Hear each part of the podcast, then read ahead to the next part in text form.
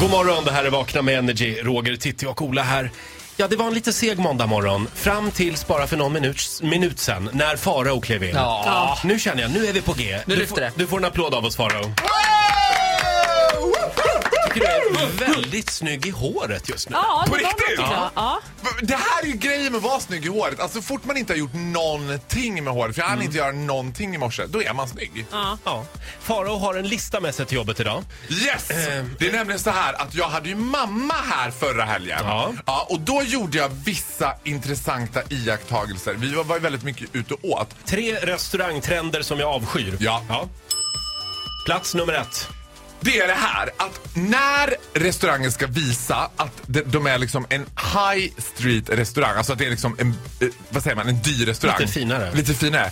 Då har de istället för det här vita dukar och formella, då ska de bli så här buddies med dig. Bara, Tjena, hej! Tjena! En grej som de gör då som jag avskyr, det är att när de ska ta beställningen så sätter de sig vid bordet. Va? Ja, Ja, men det men här sen- känner man igen. Ja. Bundis med och bara Hej tja, jag sätter mig här. Ja, vad är ni sugna på idag ja? Jag bara, nej men är vi plötsligt på 7-Eleven eller vad händer här? Det ska vara hela varvet runt. Det blir Ja. super casual. Ja, och jag bara, ja, jag tar 12 ostron. 12 härliga ostron! Ja, vad härligt. Jag bara, nej men nej, jag slutar med den där attityden.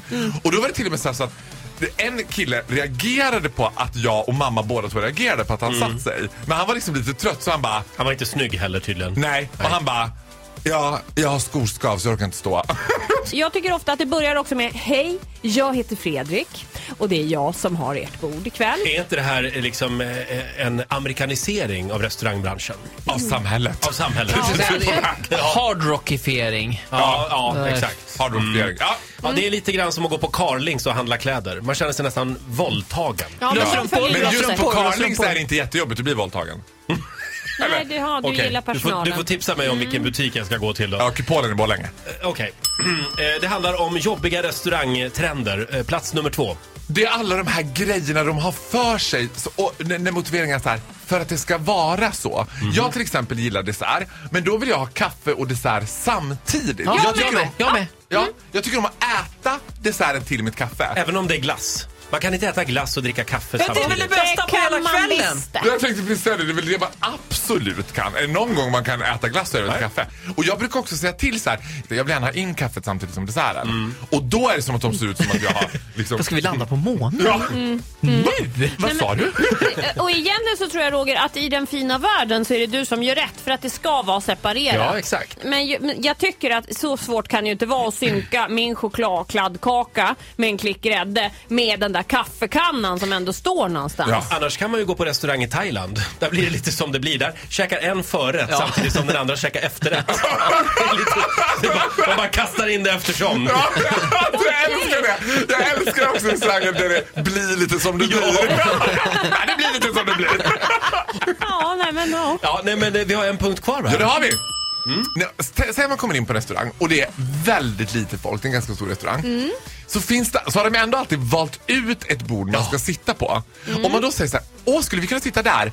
Nej. Och man bara, okej. Men det är ju tomt. Det är ju tomt! Och det är precis lika uppdukat som bordet Men bredvid. ibland, ibland ljuger de ihop då att det är reserverat eller något. Nej men varför? Därför att de vill naturligtvis fylla på i rätt ände av restaurangen. Nej. Så att det ser ut som att det är fler människor Nej, i så fall tyckte de att jag var butt ugly för jag var på Urban Deli och de satt mig absolut längst bort, längst in. Och jag och mamma bara, men nu sitter, nu sitter vi typ i grovköket. Alltså det var så där. här, För jag får alltid sitta i skyltfönstret på Urban Deli. mig sätter de i grovsoprummet. De bara, här en liten liksom chambre séparée för Vi har dig. passat in här lite. Här är platsen till en Jag, grann. jag älskar också att du sa Urban Deli. Det tycker jag är Urban fint. Deli, vad säger man då? Nej, det- alltså, jag tror att de vill att det ska vara engelskt. Sådär. Urban. Urban. Deli. Ja! Men, men Urban är nog en toppenkille tror jag. Ja. Tack Faro för den här morgonen. Får en applåd av oss. Tusen tack, hej då!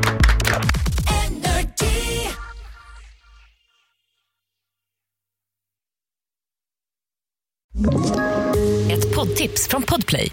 I podden Något Kaiko garanterar östgötarna Brutti och jag, Davva, dig en stor dos skratt.